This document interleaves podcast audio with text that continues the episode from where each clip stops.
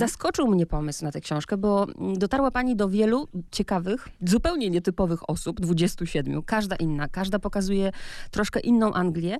Czy od początku te konkretne osoby były na pani liście, czy to po prostu wyszło przypadkowo jakoś? E, wiedziałam czasami, z kim chcę porozmawiać. Na przykład Emma Clark była osobą, o której wiedziałam, że to właśnie ona powinna się znaleźć w tej książce. Pani jest głosem londyńskiego metra, więc tutaj wiedziałam, że na pewno akurat ona konkretnie. Z takich osób, które jeszcze były, że dokładnie wiadomo, że to ma być ta konkretna osoba, to na przykład była Margaret, która przewodniczy takiej grupie rodzin ofiar tragedii w Hillsborough. David Naber, który jest biznesmenem, który po godzinach gra w pubie, też jakoś tam był konkretny, dlatego że mi się zdarzało chodzić do tego pubu ze znajomymi i śpiewać różne piosenki i właśnie e, jednym z nich był właśnie David. E, natomiast część osób to były takie osoby, że po prostu chciałam pokazać coś ważnego, co jest takie bardzo brytyjskie, co jest, jakby pokazuje to społeczeństwo, ale chciałam, żeby to były zupełnie różne osoby i niekoniecznie bardzo oczywiste. Wiedziałam na przykład, że chciałabym napisać o konflikcie w Irlandii Północnej, bo jak pisze się o każdym z tych krajów, no to tam miałam jakiś pomysł. E, natomiast no, można było zrobić to tak, nie wiem, porozmawiać z jakimś liderem politycznym albo z kimś, kto brał udział w tych walkach. Natomiast ja tutaj zdecydowałam się na Toma Kelly'ego, który razem ze swoim przyjacielem i ze swoim bratem malowali murale. Tutaj akurat było coś takiego, że ja chciałam bardzo pokazać miasto, w którym te murale się znajdują, dlatego że że ona ma taką niezwykłą właściwość, że właściwie w zależności od tego, po której stronie konfliktu się człowiek jakoś tam opowiada, to mówi się albo Dery, albo Londondery. Więc zależało mi, żeby pokazać ten kontrast i ten taki paradoks, że w jednym, no niezbyt dużym mieście mieszczą się dwie zupełnie różne rzeczywistości. No i Tom był jednym z takich osób, które wydaje mi się, że bardzo dobrze pokazują też, na czym polega rana, która to miasto dzieli na pół nie tylko rzeką, nie tylko poglądami, ale też tym, co jest w sercach, w emocjach ludzi, którzy tam mieszkają. Zanim przejdziemy do bohaterów, to jeszcze tak e, tytułem wstępu o tą fascynację. Tak jak jest w opisie książki, że każdy z nas albo ma kogoś w Wielkiej Brytanii, albo sam był. Chcę zapytać o pani fascynację właśnie tym krajem i pisanie o tym kraju. To wynika właśnie z... To wynika z tego, że przez rok mieszkałam w Wielkiej Brytanii, a potem wróciłam do swojej dawnej pracy, czyli wtedy pracowałam e, w przekroju i stwierdziłam, że to, co zobaczyłam w, w Anglii jest tak ciekawe, że należałoby jakoś poświęcić się temu bardziej. I mój pierwszy reportaż to był o Silverstaffie, czyli o takich ludziach, bardzo polskie towarzystwo, którzy obsługują przyjęcia bardzo luksusowe, ale z drugiej strony zarabiają najniższą e, stawkę godzinową i nie dojadają, mieszkają w domach pełnych pluskiew i przychodzą pracować do miejsc, gdzie obsługują najbogatsze osoby w tym kraju. Więc zaczęłam szukać właśnie tak. Najpierw trochę oczywiście szłam tym takim kluczem polskim. To był czas, kiedy nas bardzo, bardzo interesowali wszyscy Polacy, którzy pojechali do, jak to się mówiło, 17 województwa. A potem stwierdziłam, że dobra, już tych Polaków tak całkiem dobrze znam, ale czy to mi pomaga lepiej zrozumieć Wielką Brytanię? No i tutaj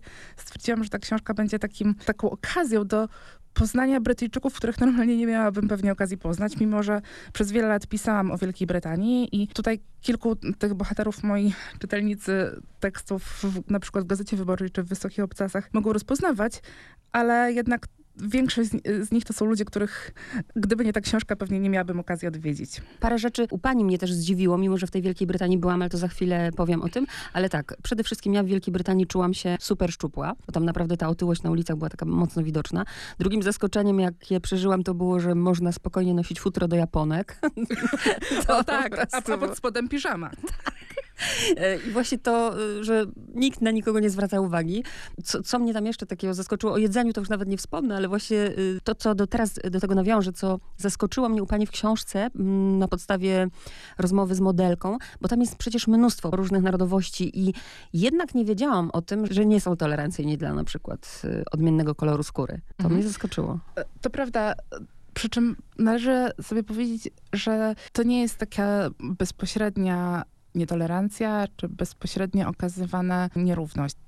Bo jak, nie wiem, przychodzi się do sklepu i ma się inny kolor skóry, czy jest się obsługiwanym e, w restauracji, czy jedzie się transportem publicznym, czy cokolwiek, to człowiek tego nie odczuje ani od y, pracowników tych instytucji, ani od y, ludzi, którzy się tam znajdują. Natomiast nierówności są takie bardziej podskórne. To czuć wtedy, kiedy na przykład ma się inny kolor skóry i szuka się pracy, albo rozwiązuje się jakieś konflikty, nie wiem, w pracy na przykład, czy, czy tam, gdzie się mieszka, to to nagle zaczyna mieć znaczenie, bo jednak ta poprawność polityczna, z której my się możemy śmiać, y, jednak wydaje mi się, że jest dosyć dużym osiągnięciem, w tym sensie, że nie mówi się na przykład y, brzydko o innych ludziach. Ba y, jeśli są, nie używa się wyrazów wulgarnych w stosunku do przedstawicieli innych narodowości, a jeśli już się użyje, y, nie tutaj nie będę może cytować, y, to jest to uważane za bardzo, bardzo obraźliwe. Więc to, co u nas się obserwuje jako taki, nie wiem, chociażby internetowy ściek, to ja tego nigdzie nie obserwuję w Wielkiej Brytanii i na żadnej okropnej stronie nawet. No może oprócz takich totalnie faszystowskich czy narodow takich narodowców y, już w ogóle skrajnych. Doszłam do wniosku, że nigdy jednak się, nie, ja nie nadaję się po prostu na, mm, tęskniłam za Polską. Nawet mimo, że tam wszyscy byli bardzo mili, bardzo uprzejmi, to tęskniłam za naszą panią na poczcie, która wrzeszczy, jest niemiła, nie? Także naprawdę. No tak, ale muszę pani powiedzieć jedną taką rzecz, że oni są wszyscy bardzo mili, ale nie sposób cokolwiek załatwić, jeśli to nie jest y, jakimś regulaminie. Tak. Brytyjczycy mają absolutnego fioła na punkcie health and safety, czyli BHP i po prostu to, co u nas przejdzie na zasadzie, że pani obsłuży, nie wiem, już po, po godzinach albo przepuści, jeśli się nie ma jakiegoś tam biletu na odpowiednią godzinę w, w pociągu, czy, czy w takich sytuacjach, które wymagają dosyć elastycznego podejścia do jakiegoś e, e, regulaminu. To jest coś, co w Wielkiej Brytanii spotyka się z ogromnym oporem. No to czuć na co dzień. Oczywiście to zakochanie ich w BHP ma też bardzo zabawne różne konsekwencje. Na przykład to, że jak jest gorąco, w sensie jest 23 stopnie, jak się tylko wychodzi z metra czy z pociągu, to wszędzie są komunikaty. Pamiętaj, żeby zawsze mieć ze sobą butelkę wody. Jeśli poczujesz się źle, zgłoś to najbliższemu pracownikowi stacji. W czasie upałów prosimy o odpowiednie nawadnianie i zwracanie uwagi na swoje samopoczucie. I mówimy właśnie o temperaturach w stylu 23 stopni. Więc to, to jest coś, co jest jakimś totalnym szokiem dla, e, dla przyjezdnego, ale no oni to lubią, no ale to też konsekwencją tego jest pewna taka kostyczność w podejściu do różnych innych przepisów. A z drugiej strony rozdział o łamaniu praw pracowniczych. Ale teraz tak, ponieważ mamy mało czasu, więc tak, nie jesteśmy w stanie opowiedzieć o tych wszystkich bohaterach. Są znani, są, są mniej znani, więc wybiorę kilka osób, które są takie rzeczywiście fajne. Lady Alice. Ja nie powiem, że opisuje pani typową arystokratkę, no bo angielską arystokrację to wyobrażamy sobie zupełnie inaczej, więc przeżyłam zaskoczenie, że wybiera sobie męża, który jest w więzieniu, tak. E, że udziela wywiadów do Hello, żeby mieć pieniądze. Powiedzmy o tej, e, o spotkaniu z tą arystokratką. Alice poznałam przypadkowo, dlatego że wiedziałam, że chcę napisać o arystokracji, natomiast e, chciałam też napisać o tym, że około 30 kościołów rocznie przestaje być kościołami, zmienia swoje przeznaczenie, zostaje się domami, pubami, hotelami, biurami itd. Tak I znalazłam kościół w Walii, który był zmieniony na pensjonat i stwierdziłam, że pojadę tam zobaczyć, jak to e, jest mieszkać w takim miejscu, które kiedyś wyglądało zupełnie inaczej. I potem jak zaczęłam się interesować tym miejscem, to się okazało, że no, nie tylko jest w nietypowym miejscu, ale też nietypowa jest gospodyni. I tak poznałam Lady Alice, która była niesamowicie otwartą osobą. Może trochę ją uwierała tak, e, to jej pochodzenie klasowe, ale na, na pewno robiła wszystko, żeby, żeby ludzie tego nie odczuwali. I to, że to ona właśnie smażyła jajka na bekonie każdego ranka i pytała, czy kawę, czy herbatę i czy herbatę czarną bo oczywiście w domyśle jest biała, czyli z mlekiem. To było coś takiego, co myślę, że e, różni jej przodkowie mogą się przewracać w grobie, mimo że to są często też nieźli ekscentrycy. Rzeczywiście jest nietypową e, postacią. Dzięki pani książce też przyznaję szczerze, nie miałam pojęcia i zaczęłam lepiej myśleć i z góry przepraszam wszystkich taksówkarzy. Respekt, niesamowity. Ja nie miałam pojęcia, że zdanie egzaminu wymaga kilku lat przygotowań, chociaż pani bohater, Peter Allen, e, zrobił to podobno szybko w dwa i pół roku, gdzie zwolnił się z pracy, żona zarabiała. Proszę opowiedzieć tę historię i jakie oni mają wymagania y, tam stawiane, żeby zdać egzamin. Peter, który postanowił zostać taksówkarzem i poświęcił temu dwa i pół roku życia tak zupełnie, zupełnie, zupełnie, zrobił na mnie niesamowite wrażenie, dlatego że on opowiadał, że odkąd został taksówkarzem, nawet jego mózg zaczął pracować inaczej. Miał nawet na to jakieś badania, które to potwierdzały z bardzo prestiżowego periodyku zresztą. I podobnie jak wszyscy inni tak zwani czarni taksówkarze, czyli taksówkarze jeżdżący tymi charakterystycznymi e, samochodami, zna wszystko, co się mieści w promieniu 6 mil od głównego placu, czyli Trafalgar Square. 25 tysięcy ulic, urzędy, ambasady, hotele, pralnie. Wie, gdzie można kupić kwiaty o dziwnych porach dnia i nocy. Wie, gdzie jest, gdzie jest bankomat. Zna wszystkie najkrótsze trasy. Także nawet jak się go y, zapyta wyrywkowo, na przykład jakie są przecznice której z ulic, on dokładnie jest w stanie powiedzieć jedna po drugiej w obie strony. To zrobiło na mnie ogromne wrażenie. To prawda nie należy, jeśli się jedzie taksówką, tego za bardzo testować, bo taksówkarze nie znoszą, jak jedzie się na tylnym siedzeniu z GPS-em i sprawdza się, czy na pewno to jest najkrótsza droga. Trzeba po prostu im zaufać, ale gwarantuję, że się nie zawiedziemy, bo to są naprawdę niesamowici ludzie. Niesamowicie. Ten rozdział też y, z otwartą buzią czytałam. A wielkie szapoba i wielki ukłon. I tu muszę się zapytać, jak w ogóle się to pani udało spotkać y, Anjem Chowdhury, brytyjski islamist. Mężczyzna uznawany za jednego z najbardziej niebezpiecznych ekstremistów. I jak się pani udało z nim Najpierw do niego napisałam i on mi odpisał, też podał swoją komórkę. Muszę przyznać, że miałam pewne opory korespondując z nim przez ten telefon. Potem się spotkaliśmy i on w sumie spotkał się chętnie. To było jeszcze przed tymi czasami, kiedy okazało się, że dzieciaki brytyjskie masowo wręcz, to znaczy kilka tysięcy wyjechało budować kalifat y, w Syrii, państwa islamskiego, tak zwanego państwa islamskiego. Więc on się spotkał ze mną dosyć chętnie, choć pod pewnymi warunkami. Najpierw spotkałam go na jednej demonstracji, potem jeszcze widziałam go na drugiej. Natomiast musieliśmy się spotkać w kawiarni i siedział z nami cały czas taki pan, który chyba tam robił za przyzwoitkę, ale nie odezwał się ani razu, więc nawet nie wiem, kim on był. Podejrzewam, że jakimś po prostu przedstawicielem społeczności, no ale rozumiem, że dzięki temu uniknęliśmy y, skandalu obyczajowego i mogliśmy o tym wszystkim porozmawiać. Natomiast dla mnie to, co on mówił, było dużo większym skandalem niż to, że siedzimy o godzinie 13 w kawiarni we wschodnim Londynie. A pani się nie bała? Pójść była pani z obstawą, czy sama? E, Byłam wtedy z fotografką. Nie bałam się dlatego, że zupełnie ten człowiek zaprzeczał mojemu wyobrażeniu o takich ekstremistach. To był człowiek bardzo jowialny, sympatyczny i właściwie sprawiał takie wrażenie, że no, można by się z nim jakoś zakolegować. Do momentu, kiedy zaczął opowiadać, co on uważa na temat kobiet, jak to państwo powinno wyglądać, gdyby on je miał urządzać, no to wtedy to już mi się zrobiło troszkę słabo, ale myślę, że on też tak traktował mnie lekko protekcjonalnie, że ja jeszcze nie rozumiem, nie doszłam do tego, co dla niego jest oczywiste. I no, trochę mnie traktował jako taką przedstawicielkę zgniłego zachodu, która zgadza się na różne dziwne rzeczy w stylu na przykład alkohol albo reklamy, które pokazują kobiety niekoniecznie ubrane do, od stóp do głów, więc on to po prostu traktował w kategorii takiego spotkania, tego takiego zachodniego myślenia, tym, co on reprezentował. Natomiast no, był bardzo sympatyczny, mówię to z pewnym zaskoczeniem, ale też bardzo uważał, ile może powiedzieć. Bardzo otwarcie głosił te wszystkie swoje straszne poglądy,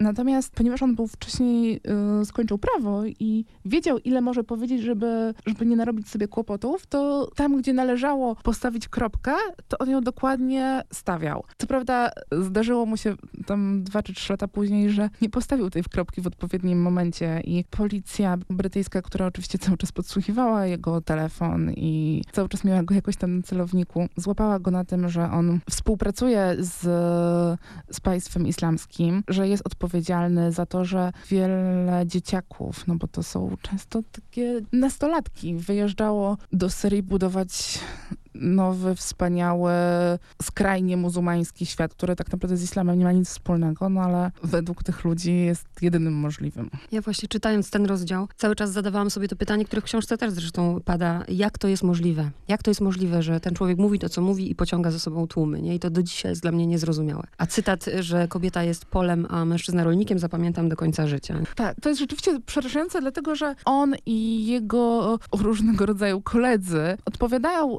jednak na potrzeby części imigrantów drugiego czy trzeciego pokolenia, zwykle drugiego, którzy nie czują się do końca u siebie, bo jednak są te nierówności, o których y, mówiłyśmy wcześniej. On ma taką, powiedziałoby się kolokwialnie, gadkę godnościową, co oczywiście używam tego określenia nieprzypadkowo, bo, bo mam wrażenie, że różni skrajni politycy i coś publicyści uwielbiają po prostu grać na tej nucie. No i on właśnie szedł podobnym tropem. Zresztą skrajny prawicowiec, który jest kilka rozdziałów dalej, Tak.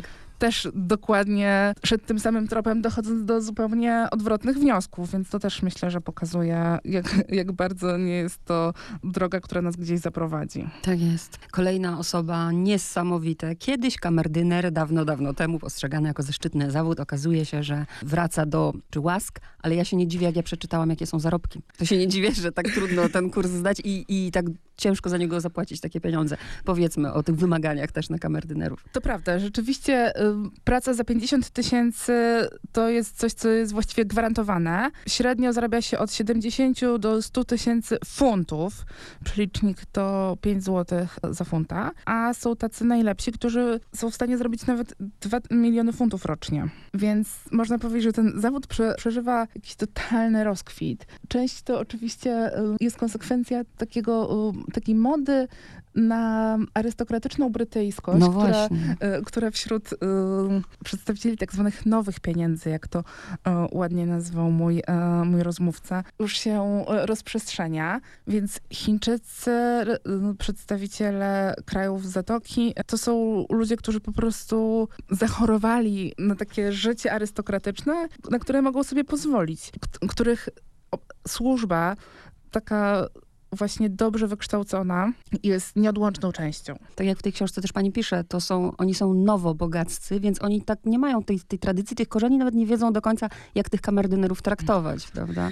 Tak, Garego bardzo to denerwowało. Powiedział, że on właściwie wrócił z Chin, gdzie otwierał filię z instytutu swojego, bo on czuł, że trochę traci czas. To znaczy, jego umiejętności nie są wykorzystywane tak dobrze, jak mogłyby być, ponieważ ci pracodawcy nie wiedzą, co kamerdyner umie.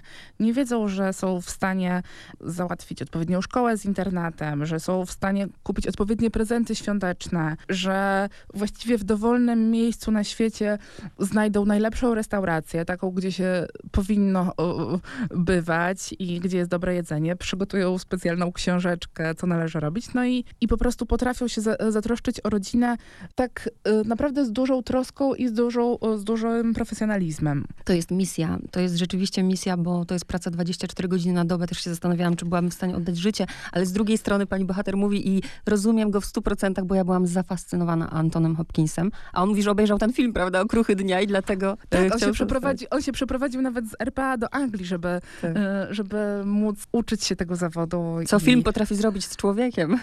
Tak, to jest niesamowite. I on, rozmawialiśmy już przecież wiele lat później, bo jest to człowiek z dużym doświadczeniem zawodowym. I on cały czas był pod wrażeniem tego filmu. Oczywiście pytanie, na ile to ta rzeczywistość spełniła oczekiwania, które on sobie wyobrażał, no ale to już jest na inną Mhm. opowieść. Jeszcze chociaż troje bohaterów muszę, chociaż czas nam ucieka. Emma Clark, o której już pani wspomniała, bo to A, jest dobra. też, pewnie każdy, kto był w Wielkiej Brytanii, słyszał ją i nie wie, że ją zna. Powiedzmy, kim jest Emma Clark. Emma Clark to pani, która e, jest jednym z głosów, a na pewno najbardziej znanym głosem londyńskiego metra.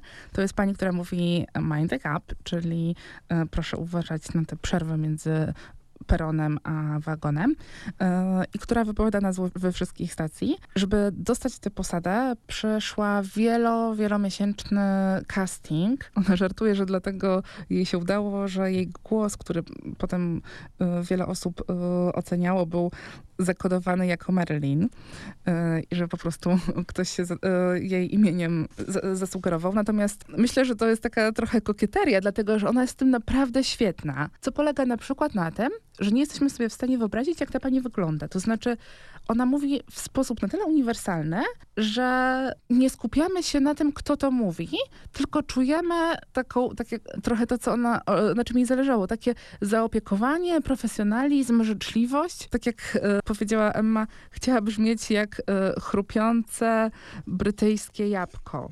Czyli po prostu oddaje to, co e, według niej najlepsze w tym kraju. Jak mówi o tych akcentach, w ogóle jak y, człowiek może zmienić y, siebie, całego siebie, prawda? Tam nawet podaje przykłady zmiany tożsamości poprzez zmianę akcentu. Coś niesamowitego, polecam ten rozdział też. Kolejna osoba, to krótko bardzo, bo, no bo nie Mhm, mogę o nim nie tak. wspomnieć, to jest John Cleese z Monty Pythona, którego po prostu uwielbiam. I pierwszy szok, który przeżyłam, to to, że ruszyli w trasę, bo nie mieli kasy. Drugi, ponieważ aż zazdroszczę, że pani go poznała osobiście, a jest takim człowiekiem mm, o niesamowitej refleksji, takiej dosyć pesymistycznym widzeniu, ale końcówka rozmowy już mnie rozwaliła zupełnie. Proszę powiedzieć chociaż o wrażeniach, jak go pani poznała, jaki jest. Ale nie zdradzimy, e, Nie, absolutnie, absolutnie, odpowiedział tylko mi. absolutnie. Nie, nie, nie, nie, nie. Tak, muszę powiedzieć, że spodziewałam się zupełnie czego innego, może dlatego, że przed tym spotkaniem chyba przez dwa tygodnie oglądałam wszystkie skecze, w których występował, no i to jest jednak no, oprócz tego, że, e, że ma taki typowy angielski e, humor, który jest trochę sarkastyczny, to jednak wydawało mi się, że jest bardzo wesołym człowiekiem. No, nic bardziej mylnego. Może też trochę zadziałało to, że jak się spotkaliśmy, to pan po prostu był przeziębiony, ale też bardzo profesjonalnie podchodził do naszej rozmowy, więc tak nie sądzę, żeby, żeby to tylko o to chodziło. On też chyba trochę mówił o tym, że no nie da się cały czas być zabawnym i ta jego refleksja na temat tego, jak Wielka Brytania wygląda dzisiaj, była dosyć gorzka. On też padł trochę ofiarą tego, jak się zmienia, jak się zmienia ten kraj, tego, jak na przykład dziennikarze przestali być, przestali się tak bardzo liczyć z prawdą, jak kiedyś relacjonowali jego, jedno z jego wystąpień w, przy tych jedną z komisji w Izbie Gmin, to właściwie wszystko przekręcili, to poszło w świat i on zupełnie nie miał możliwości się do tego odnieść, więc też pokazuje no, taką zwykłość człowieka w, zde- w zderzeniu z całą machiną medialną, którą można rozkręcić właściwie jak się chce. Też nie miał zbyt dobrego, zbyt dobrej opinii na temat brytyjskiej telewizji. Chyba też czuł, że nie o, takie, nie o taką telewizję walczyliśmy, ale mówił to wszystko bez kombatanstwa, raczej z taką nutką nostalgii i trochę smutku. Więc y, myślę, że, że to był taki John Cleese, którego się zupełnie nie spodziewałam. Natomiast myślę, że jego też bardzo śmieszą, y, śmieszy różny szum taki wokół niego, który się, y, który się cały czas wydarza.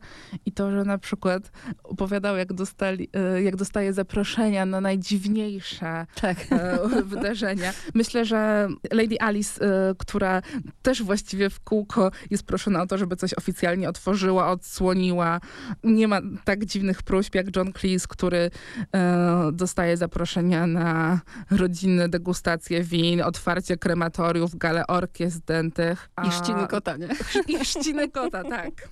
No to E, rzeczywiście. Czy wystąpił na chrzcinach kota, to też jest jedna z rzeczy, które mam nadzieję, że państwo dobrniecie do tego w tej książce. Ależ na pewno jest milion rzeczy, o których chciałam porozmawiać. Jest jeszcze edukacja seksualna, jest przecież Rosamund, gdzie tak przeżywałam, że ona umie się i potrafi żegnać z tymi zwierzętami, ale czas nam się kończy, więc na koniec chcę poruszyć coś, co jest bardzo smutne, przykre, co dotyczy, myślę, nie tylko już Wielkiej Brytanii, za chwilę Polski też, czyli rozdział y, Brytyjczyk umiera w samotności. Tak, to też nie przypadek, że osoba, która opowiada tę historię, to Polka. Ja ją poznałam pracując zupełnie przy innym, nad innym tematem i historia jest o tym, jak ona pracuje w domu spokojnej starości i właściwie widzi, jak Brytyjczycy porzucają swoje, swoich rodziców, swoich dziadków, wujków, nie tylko na starość, bo tutaj można jeszcze uznać, że nikt się nimi tak dobrze nie zaopiekuje jak profesjonalny dom opieki, natomiast też nawet nie chcą uczestniczyć w ich odchodzeniu i też opowiada taką historię, że jeden y, z jej podopiecznych wiedział, że umiera i prosił, żeby zadzwonić do rodziny. I on, oni oczywiście dzwonili, a rodzina powiedziała, że proszę do nas zadzwonić, jak już będzie po wszystkim. Ale ona nie była w stanie tego powiedzieć temu panu. Więc oczywiście cały czas mówili, że tak, tak, tak, już tam córka jedzie, czy, czy tam ktoś jeszcze. Natomiast to też pokazuje nie tylko wielką machinę, jaka jest, y, jaka jest związana z, z tymi domami spokojnej starości, ale też to, że ten, y, to społeczeństwo zupełnie sobie nie potrafi poradzić z tym, że miliony ludzi są w domu absolutnie same. Kilka lat temu był taki raport y, jednej z organizacji, która zajmuje się y, starością. Okazało się, że ponad milion Brytyjczyków w ogóle się nie widuje z rodziną, a przynajmniej 200 tysięcy tylko Anglików przez ostatni miesiąc nie miało się do kogo odezwać. Drugie tyle milczało minimum tydzień, więc jak sobie wyobrazimy osoby, które nie mają po prostu do kogo się odezwać, nie licząc listonosza, który co jakiś czas przychodzi, to pokazuje, w którą stronę zmierza takie myślenie o tym, że babci czy dziadkowi najlepiej będzie w, tam, gdzie się nim najlepiej zajmą. Tak, to jest taki rozdział też, ja mówię, cała gama emocji dzięki tej książce jest i pytanie chyba retoryczne, ale mimo wszystko na koniec je zadam. Komu bije dzwon, czyli jaki obraz Brytyjczyka dostanie czytelnik po przeczytaniu pani książki? Mam nadzieję, że tych obrazów będzie 27 i że właściwie każdy z tych rozdziałów zostawi Państwa z jakąś emocją. E, tak jak e, ja e, właściwie od zaskoczenia, przez podziw, przez współczucie, bezradność, frustrację, ale też wielką radość i, no i takie poczucie, że to są naprawdę niezwykli ludzie. Miałam okazję poznać te wszystkie osoby i mam nadzieję, że Państwo też znajdziecie kogoś, kto szczególnie przypadnie wam do gustu i będzie taką osobą, z którą chcielibyście się zaprzyjaźnić dzięki tej książce. I na koniec jeszcze, jakie są nastroje? Teraz to jest pytanie, które pewnie najczęściej pani słyszy jako osoba, która gdzieś tam siedzi w sprawach Wielkiej Brytanii. Jakie są nastroje związane z Brexitem? Myślę, że y, ci, którzy głosowali, y, licząc, że po prostu to y, przecież nic nie zmieni, bo co tam mój jeden głos tylko pokaże, y, jaki, pokaże mój sprzeciw przeciwko temu, co jest, to chyba sobie dopiero zr- zrozumieli, co taki jednostkowy sprzeciw może znaczyć, kiedy na podobny pomysł wpadnie kilka milionów osób oprócz niej.